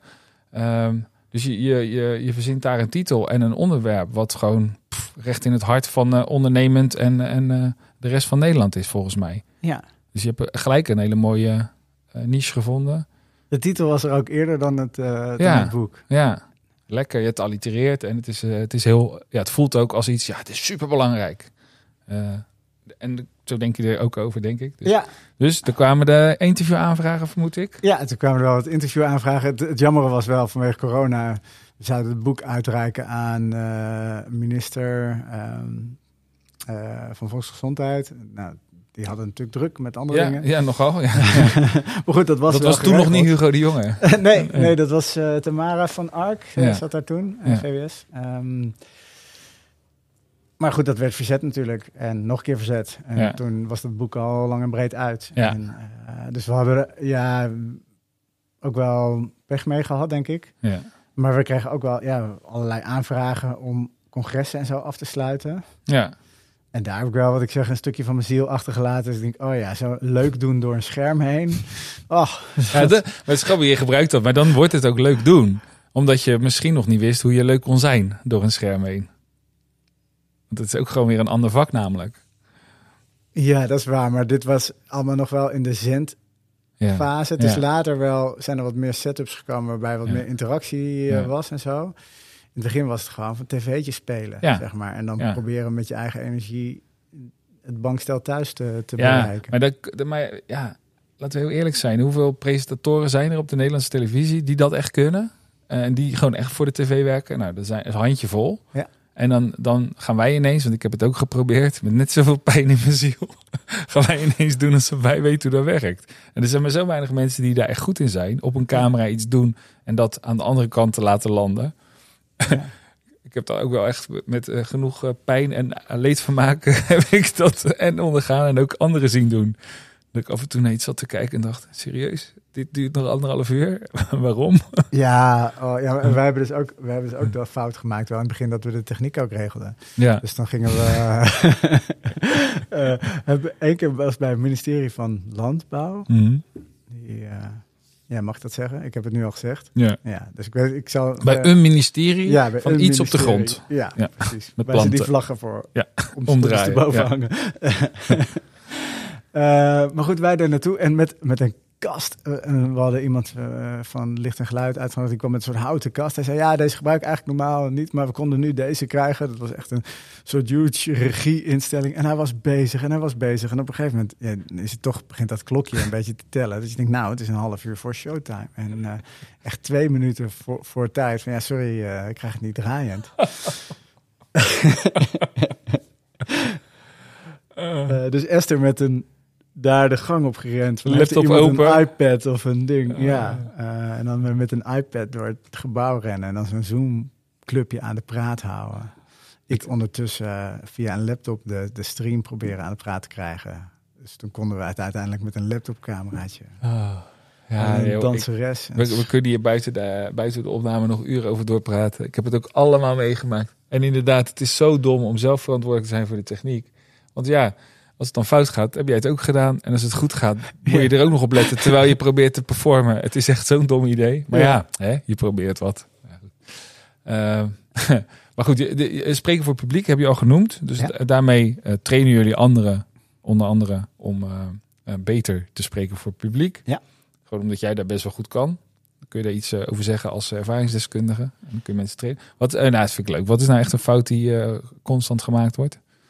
Als mensen voor publiek staan. En dan hebben we het even over live publiek. Ja, de, wat ik heel veel mensen, dat is me laatst opgevallen. ehm, dat heel veel mensen in hun eerste zin, of ze nou comedian zijn of niet, ze proberen altijd meteen een grapje te maken. Ja. Ik, ik zal een voorbeeld geven. Ehm, iemand die zegt van nou, ik ben Piet, ik ben 43. Zou je niet zeggen, hè? Weet je, dat is dan zo'n Ah. zo'n Ja, ja. zo'n line, want, want dan ziet hij er misschien uit als 38 of zo. En dan vindt hij dat hij daar iets over moet zeggen. Ehm, waarom doet iemand dat? Niet om grappig te zijn, maar iemand doet dat om een- een beetje iets terug te krijgen van de zaal, zodat Ja. hij daar verder op Ja. kan. Ja. Verder kan. ja, en wat je terugkrijgt van de zaal is... Een lach is vaak heel duidelijk. Je maakt een grapje, er wordt gelachen. Ha, we hebben contact. Terwijl als je iets inhoudelijks interessants zegt... Daar, daar zie je niet zoveel reactie. Nou, en ik denk dat wat, wat, hier, wat hier Piet eh, dus doet in dit voorbeeld, Ja. die gooit eigenlijk een muntje op. Ja, Zegt van, oké, jullie kunnen me nu leuk of niet leuk vinden. Als, ik, als jullie me niet leuk vinden, ga ik de, de rest van mijn kwartier super moeilijk krijgen. Mm, Als jullie me leuk vinden, krijg ik het een beetje makkelijker. Terwijl als hij gewoon zegt, ik ben Piet, ik ben 38. ja, Dat is gewoon een neutrale zin. ja. Kan iedereen wennen aan het hoofd van Piet? Is er nog helemaal niks aan de hand? En, en kan hij... Mensen willen gewoon te snel iets creëren al. Is het ook een misvatting dat... eh, dit zeg ik trouwens echt ongebiased. Dit is echt een vraag. Is het een misvatting dat het grappig moet zijn? Want de, grappig is natuurlijk... Dat zie je heel vaak dat dat een soort van... eh, bij een lezing of bij een keynote... Dat er dan ook iets grappigs gedaan moet worden of zo. Het zijn toch geen comedians? Ja, nu is het ineens wel eh, een mening, merk ik. Eh, ja, nou, de, het ligt ook aan de vorm. Kijk, bij comedy moet grappig zijn, anders Ja. is het geen comedy. Ja. Maar ik denk dat... Nee, het, het moet luchtig... Vaak is het, de afsluiting moet een beetje luchtig zijn, Ja. hoor je dan ook wel. Hè? Ja. Nou, we gaan een beetje gezellig de borrel Ja. in. Vind ik ook eigenlijk al een misvatting. Als het goed is, is de borrel gezellig. Ja. En die is ook echt wel gezellig als het laatste verhaal heel zwaar is. ja. Eh, nee, dus ik zou zeker niet... Ik denk niet dat het grappig moet zijn. Ik denk wel dat grappig zijn heel erg eh, een mooi contrast kan zijn voor iets heel heftigs. eh, Of iets heel zwaars. Mm. Dus dat je het heel goed kunt inzetten als Ja. tool om, om andere dingen... Ja, om toch wat mensen wat meer open te zetten voor, Ja. voor inhoud of voor boodschap. Maar Mhm. dat is, het is geen doel op zich. Nee. nee. Wat is, een, wat, is een, wat is een tip die jij dan altijd meegeeft? Want dit vind ik wel een, ik vind dit een hele leuke observatie. Want ja, ik denk dat ik het ook wel vaak gezien heb. Inderdaad, zo'n poging om gelijk eh, ja, vriendjes te worden met de zaal. Maar op een beetje vriendjes worden, dat is ongemakkelijk, dat is woord. ja, ongemakkelijke manier. Het is namelijk ook niet echt grappig. Nee, het, het- Nee. nee, maar zo, ook al is het wel echt grappig, Ja. weet je, ook al is het meteen een steen goede grap. Het is, Ja. ja. Wat is nou de tip die je jezelf het vaakst hoort geven? Als je mensen traint? eerst even je mond houden als je opkomt. Mm. Gewoon een wereld van verschil. Mensen die al beginnen te praten terwijl ze het podium oplopen. Ja. Hou gewoon even je bek dicht. Ja, ja, ja. Oh, dat is een hele goeie. Ja. Het, het straalt namelijk meteen, eh, als, je, als je dit tegen een beginnende comedian zegt, dan heb je tips voor mij. Zeg, oké, alleen dit doen de volgende keer. Ik heb het wel eens gedaan bij mensen die ik dan meerdere keer op één dag zag spelen. En het maakt meteen een wereld van verschil. ja. Het publiek denkt, eh, die is in, in control. Die Ja. wacht gewoon even. Je hebt eh, volgens mij ongeveer 20 seconden voordat het publiek überhaupt eh, iets verwacht. Dat is best lang. Als je 20 seconden je waffel houdt op een podium, ja, dat voelt als veel langer. Het is echt onwijs lang. Ja. Een verademing. Een goed idee. Is trouwens grappig. Wat is mijn beste tip voor spreken voor bek houden? Wat een makkelijk vak. Dat, eh, dus dat doe je. Maar je speelt ook zelf heel veel. Ja. Toch? Eh, ja, nu weer, eh, weer lang op vakantie geweest deze zomer. Nu weer echt eh, lekker aan het, eh, aan het rammen. Ja, Ja. zie je nu. Ja. MC'en, voor de mensen die dat niet weten, dat zijn de mensen die de comedians aan en afkondigen. Maar daarnaast zorgen dat de sfeer in de zaal zo is dat de comedians kunnen vlammen. Ja. Toch? Ja. Dan ben je aan het spelen met energie. Ja. Als je het goed doet. En dat vind ik dus heel. Kijk, ik, ik ben het bedrijf spreken voor het publiek. Een beetje begonnen vanuit eh, de, de premise van nou, ik heb spreekervaring op heel veel verschillende gebieden. Hè, pleiten, debatteren, comedy. Ja. En ik vind het nu. Eh, nu is dat MC weer echt zo'n ding dat iedere keer als ik het doe, dan denk ik, oh ja, ik leer weer wat nieuws voor mezelf. En eh, Je bent ook als MC ben je ook een soort manager. Je bent ook, toch? Je bent een beetje de. Eigenlijk ben je een beetje de, de, de crowd. Jezus, lekker. Je bent de crowd helemaal aan het managen. ja, ja, Nee, maar je, moet- je, ja. je, ja. Je, moet, je moet op een bepaalde manier eh, in contact zijn met, die, met het publiek. En je moet ook in contact zijn met de comedians. En als een comedian heel slecht ging, dan moet je er iets over zeggen. Maar je wil die comedian ook niet kapot maken. Toch? Ja, ja, ja, wat ik dan meestal doe is gewoon zelf weer even een beetje, als het echt heel slecht ging, gewoon even zelf wat, eh, een beetje materiaal doen of Ja. zo, om even de, de, de energie weer een beetje op te, Ja. op te krikken. Maar dat kun je ook niet drie keer doen op een avond, Nee. want dan denken ze, oh, die gast die hoort zichzelf wel heel graag praten. Doe je ook wel eens MC'en op, eh, op, op open mics? Ja. En heb je wel eens gehad dat het gewoon iedereen slecht was? dat lijkt mij zo erg. Nee, zo maar dat kan, dat, kan- dat- ja, maar dat kan eigenlijk niet. Want er is altijd, eh, dat is toch het, het stomme, volgens mij. Eh, dat de, de ene is een beetje grappiger dan de ander. Ja. Dus ook als ze allemaal heel slecht zijn, dan zul je toch een soort ervaren van... oh ja, er waren er drie grappig en drie niet grappig. Omdat dat volgens mij is hoe we altijd... Ja, ja. Je, ver- je vergelijkt het met elkaar. Ja, Ja, ja, ja. Oh ja. Nou, ik moet zeggen, ik ben wel ooit één keer op comedyavond geweest. Dat was in Amsterdam. Dat deze open mic. En ik ging eigenlijk kijken voor één comedian, omdat ik dacht dat hij misschien iets leuks voor ons voor Comedy Walk zou kunnen betekenen. En, eh, maar hij was als een van de latere, dat wist ik ook al wel. En toen hadden ze er zeven voor de pauze en acht, acht na de pauze. Oh man. Dus- ja. Er waren 15 comedians en daarvan was er werkelijk geen één in staat om überhaupt langer dan drie minuten te boeien. En ik, ik had echt het idee, als er een hel bestaat, dan is dit het. Dit was zo erg, hebben Jan, echt serieus. Dit was echt niet te doen. En het was best een geinig zaaltje. Alleen het was ook heel krap en je kon ook geen kant op als publiek. Ik wilde echt weg. Ik wilde echt weg. En normaal heb ik er geen moeite mee, maar dat was hier... Ja, ook omdat ik voor die ene gozer kwam. Ik denk, ja, hij zal wel oké zijn. Bleek ook nog eens niet waar te zijn. Maar, Ja. maar, dus je kunt echt wel avonden hebben dat er heel veel eh, comedians of mensen, nou, mensen die zich identificeren als comedian. Ehm, maar dat was echt niet te doen. Ja, ik denk dat ik, ik vind comedy gewoon zo ontzettend leuk om naar te kijken. Dat ook hele slechte comedy kan ik ook helemaal Ja. van genieten. Ja. Dat is toch, ja, ik weet niet wat het is. De- Heb je ik- niet dan dat, dat je soms als je naar een comedian kijkt denkt van ja, maar dit, dit, dit, dit voel ik van zo ver aankomen. Ja, maar dat, dat- nou, dat had ik dus toen ik eh, het ging doen. Eh, denk, zeg maar, de eerste twee jaar of zo. Op Mhm. een gegeven moment weet je dan een beetje hoe het werkt. Ja. Dus dan ga je het helemaal analyseren. Ja. Van, oh, nu komt de zus of zo'n grapje of weet ik veel wat. Mhm. Eh, dat heeft denk ik een jaar geduurd. Vond ik echt ook niks leuk. Kon ik naar Pieter Derks gaan kijken Ja. of naar weet ik veel wie echt Ja. top gewoon. Of naar Daniel Arends. ja. En dan, maar dan was ik gewoon in mijn hoofd met de verkeerde dingen bezig. ja, alleen Was met de techniek. Ja, Ja. en nu, en dat heeft dan even eh, een tijdje geduurd. En op een gegeven moment was het ook helemaal klaar. En Oh, nu vind ik het gewoon weer leuk. En dan als ik nu iemand zie die het voor het eerst doet en die maakt het grapje wat je allereerste Ja, comedian ziet maken. Waarschijnlijk ook- iets met een piemel. Ja, zoiets of een, of een grapje over de eerste keer. Ja, of, ja. Grappig man. Dus eh, eh, even dan een resume. Eh, Spreken voor het publiek, dat bestaat nog steeds en dat gaat hartstikke Ja. lekker volgens mij. ja, Toch? zeker. Daarnaast ben je Feyenoord MC'er en eh, ben je ook met, met je eigen avondvullende bezig toevallig? Nee, ik heb, ik heb een avondvullende gespeeld vorig jaar. Ja. Die, daar ben ik, die heb ik niet in reprise laten gaan. Ik heb het tien keer gedaan. Dat was een beetje Ja. de...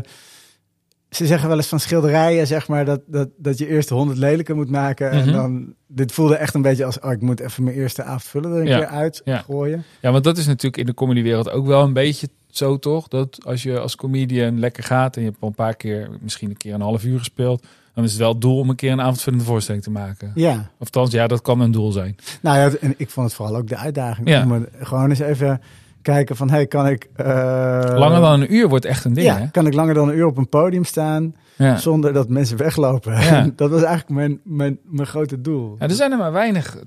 Ik vind echt, er zijn er maar weinig waar ik inderdaad gewoon eh, een uur langer dan een uur mijn aandacht bij kan, eh, kan houden. Dat klopt wel. Hoe was dat? Ja, ik vond het. Ik, nou, het was in de tussen de corona eh, lockdowns. Ja, Eh, dus soms eh, zaten we wel eh, met de bar dicht en de mensen uit elkaar. En super kut. ja, ja, Ja. ook weer heel leerzaam. Ja, ja, ja, ja. nee, tuurlijk. Zo, zolang, je- zolang, zolang je in je hoofd maar bezig bent met, oh ja, als ik er iets van leer, dan is het goed. Dan verbazingwekkend hoeveel dingen dan leuk zijn, terwijl ze eigenlijk verschrikkelijk zijn. Nee, maar dat geloof ik zelf ook. Dat is dan zo'n NLP-zinnetje. Falen bestaat niet alleen feedback. Ja, Ja, als je zo in het leven kan staan, heerlijk. Maar tegelijkertijd op een podium doodgaan is wel een van de heftigste dingen die mensen kunnen meemaken. Ik, het heet niet voor niks doodgaan. ja. Volgens ja, mij, en ik denk dat ik ook niet zoveel. Ik, ik zeg niet dat ik het niet verschrikkelijk vind, maar ik denk ook niet dat ik nog echt doodga. Omdat ik, als ik echt voel van, oh ja, jullie vinden me niet leuk, dan zeg ik, jullie vinden me niet leuk, hè? En dan moet iedereen lachen Ja. en dan is het Ja. weer oké. Dus dan hou je ze terug naar het hier en nu. Naar Ja. wat er echt speelt. Ja. Maar. Goeie tip ehm, trouwens. Niemand hoeft die cursus meer te boeken. Ik haal het er gewoon allemaal uit. Straks ben je werkeloos. Heb je jezelf werkeloos geluld. Nee, dat geloof ik niet. Nee, ik ook niet. Eindeloos. Wat doe, wat doe je nog meer? Spelen, avondvullend, had het over. Dus, oh ja, en, en nu even niet. Ehm, nou, je spreekt voor publiek doen we eigenlijk twee dingen. Hè? Dus dat is eh, mensen trainen in, in spreken voor publiek. Dus road to keynote. En, eh, maar ook gewoon klasjes met beginnerstrainingen. Ja, Eh, maar we zetten ook sprekers weg Ja. en dagvoorzitters op Ja. events. Ja. Dat doe ik zelf ook. Ja. Maar goed, ik ben ook, ja, ik zit samen met Esther ook in de directie. Dus we proberen daar ook dat bedrijf een beetje te, te laten groeien. Ja. Dus ik doe ook wel veel op dat vlak. ja. Er, zijn, er, zijn een, er zijn natuurlijk ook anderen eh, werkzaam op dat vlak. Eh, heb jij specifieke groepen sprekers die je dan het liefst boekt? Is, is, heeft dat een profiel? Ja, goede vraag. Ik, het- ik weet nog niet of je dat echt helemaal terugziet in onze eh, stal, om dat zo maar te zeggen. Mhm. Maar het liefst hoor ik gewoon echte mensen. Gewoon Ja. met echte mensenverhalen. In plaats van al te veel eh, glorieuze opgepompte Hollywood-inspiratie, zeg Ja. maar. Ja, Ehm, oké. En, en het liefst voor, vooralsnog boeken jullie jezelf natuurlijk op dit moment. ja, Ja. ja. nou ja, daar proberen we ook wel een beetje van af te komen. Want Ja. ja, het, het moet ook meer zijn dan eh, Ja, de Hype en Esther show. ja. Nou ja, als het past, past het. Ja. Volgens mij is jouw verhaal wel. eh, ik bedoel, ik ken het congreswereldje ook een klein beetje. Ik doe daar pas 25 jaar mijn ding. En ik geloof wel dat een verhaal, zoals jij het vertelt, dat dat eigenlijk bij, bij, bij heel veel congressen prima past. Dat het een, eh, een universeel verhaal is. En, en, en waar volgens mij dan jouw kracht is, en dit is een compliment, steek het waar je het wil steken. Er zijn niet zoveel mensen die ehm, en snappen hoe het bij bedrijven werkt, omdat ze er daadwerkelijk ook meters hebben gemaakt. En tegelijkertijd ook nog een beetje grappig eh, kunnen bespiegelen op wat er nou eigenlijk gebeurt. En dat, dat is wel een vrij unieke positie, omdat de meeste comedians die een lollige afsluiter komen doen, die, die zijn precies dat. En die hebben geen, geen enkele connectie met die zaal. En ehm, de meeste eh, afsluiters die met een soort inhoudelijk verhaal over een vakgebied of iets wat in de buurt komt, ja, dan is dat het weer. Ja. Ja. gewoon precies die combi van en, en lollig en, en snel en slim. Want je bent natuurlijk gewoon een beide handje. Ja. Ja. Ja. toch ben ik hem nog steeds een beetje aan het zoeken hoor, de vorm. Dat is de. ehm, we, zoals we nu zitten te praten, zeg maar, zoals ik nu het verhaal Ja. zit te vertellen, dat Ja. doe ik dus eigenlijk niet echt als ik, eh, als ik een afsluitende keynote eh, of zo geef. Ik wil eigenlijk dat het meer daar naartoe gaat. Ja. Dat, dat train ik mensen ook. Je ga Ja. nou lekker soul searchen, haal het gewoon lekker uit jezelf. Maar je bent een ander toch altijd aan het vertellen wat je zelf graag zou willen. ja, zo is het ook. ja. Zo is het ja, ook. in die end, weet je wel. Dan kom je dan ook pas weer over een paar jaar achter. Oh, ik heb het eigenlijk iedereen uitgelegd wat ik wilde. Ja. Ja. Dan heb ik ook gelijk het idee dat we wel rond zijn. Want ik heb ook het idee dat we echt nog uren door kunnen praten. Maar uiteindelijk zit hier tegenover me gewoon iemand die besloot om een, iets heel anders te gaan doen dan wat misschien logisch leek. Namelijk stoppen met een, ik maak aanhalingstekens in de lucht, succesvolle carrière. Ehm, en, en gewoon kiezen voor datgene wat zijn hart hem ingaf. Ja. ja. ja. Heb je nog dromen? Ja, zoveel. Ik ben ja, als je, uh, kijk uit, want als je het uitspreekt, ga je het doen. nou, eentje ben ik al aan het doen. Ik ben uh, bezig met een uh, collectieve projectontwikkeling in uh, Zaandam, waar ik een huis bouw met een eigen ja, soort van theater slash trainingsruimte eraan. Dat wordt echt super vet. Met hoeveel mensen? 26 gezinnen. Weet je dat ik hier bezig ben in de buurt? Ja, dat, dat, wat, wat, wat ongelooflijk. Ja. Wat bijzonder. Wat bijzonder. Ja. ja. Oh, wat vet. Ja. Wat gaaf, man. Dus dat is een plek, is in ieder geval, dat is dan, dan de droom, denk ik, een plek ja. gewoon waar, waar, we dingen, waar we toffe dingen kunnen doen Ja. zoals het helemaal hoort. Cool. Uh, ja, en ik wil toch ook nog wel weer een keer iets maken. Uh, dat ga ik dan nu uitspreken, maar Ja. dat heb ik wel al een beetje een soort van uitspraak. Dat ik iets, iets wil maken wat echt is. Je had het net over die, ook over die studenten en zo die vastlopen. Als je daar iets tegen wil zeggen, Ja. daar voel ik ook nog wel van, daar moet ik een keer iets mee. Omdat ik ehm, ja, ergens zie dat die mensen die helemaal vast en down zitten, dat zijn eigenlijk dezelfde mensen als de mensen die super succesvol zijn en het allemaal voor elkaar hebben. Mm. Alleen dan net even in een andere fase van hun leven. Ja. En die zouden meer met elkaar moeten verbinden, denk ik. Ja. Ja, mooi. Ja. Ik, soms, soms, ik, ik ben nu 50 eh, sinds kort. en soms denk ik ook dat, dat het leven precies zo gaat zoals het moet gaan. Inclusief die struggles. En, eh, en dat, eh, dat er ook altijd de neiging is als je zelf iets hebt doorleefd... om dan aan anderen te gaan uitleggen van... oh, als je het zo doet of het is helemaal niet erg. Of weet ik. Terwijl misschien moet je het wel gewoon doorleven. Dat het zo weinig zin heeft om het een ander... eh, je kunt Nou ja, en die mensen ja. die daar zitten, die denken dan ook, als je dat zegt van ja, maar jij bent anders. Mm, want jij ja. bent die succesvolle gast. Ja, Jij bent die, die... Ja, maar, maar kwetsbaar delen hoe het echt is gegaan, dat is wat je nu doet. Kijk, voor mij zei ik het eerder ook in, in ons gesprek. Ehm, je had prima een verhaal kunnen ophangen over eh, de succesvolle namepartner. Eh, ook toen je er middenin zat, terwijl je alleen maar stress en gezeiking. Hè, omdat je nou eenmaal had bedacht, zolang ik blijf zeggen dat het zo is, gaan mensen dat geloven. Fake it until you become it. Terwijl delen dat het helemaal niet zo leuk is. Delen dat het zwaar was. En dat heb je toen eigenlijk ook al vrij snel gedaan. En dan laat je een voorbeeld zien van... oké, dan heb je een ander leven. Dan heb je misschien geen... Nou, wat rijdt de gemiddelde advocaat? Partner, wat, BMW, Mercedes, iets groots. Oh ja, dat, Zoiets. ja, tegenwoordig allemaal van die SUV's. SUV's, ja. ja. Dan heb je dan, dat heb je dan wel, eh, maar je, je hebt geen eigenwaarde of lol, eh, weet ik veel. Dat heb je dan niet. Dus dat, dat, dat, en dat is volgens mij wel deze tijd nu aan de hand. Ondanks dat we heel gepolariseerd zijn en dat er allemaal van van allerlei shit gebeurt, zie ik wel mensen ineens een echter verhaal vertellen. Of het is domweg mijn, mijn focus, dat kan ook.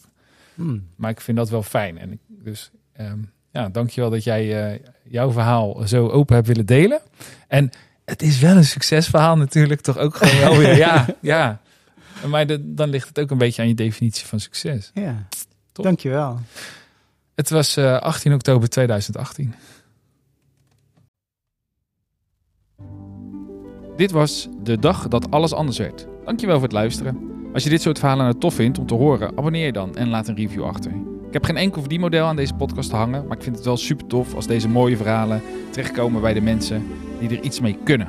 Of die er iets aan hebben. Dus, nogmaals, dankjewel voor het luisteren. Deel, like, abonneer en tot de volgende aflevering.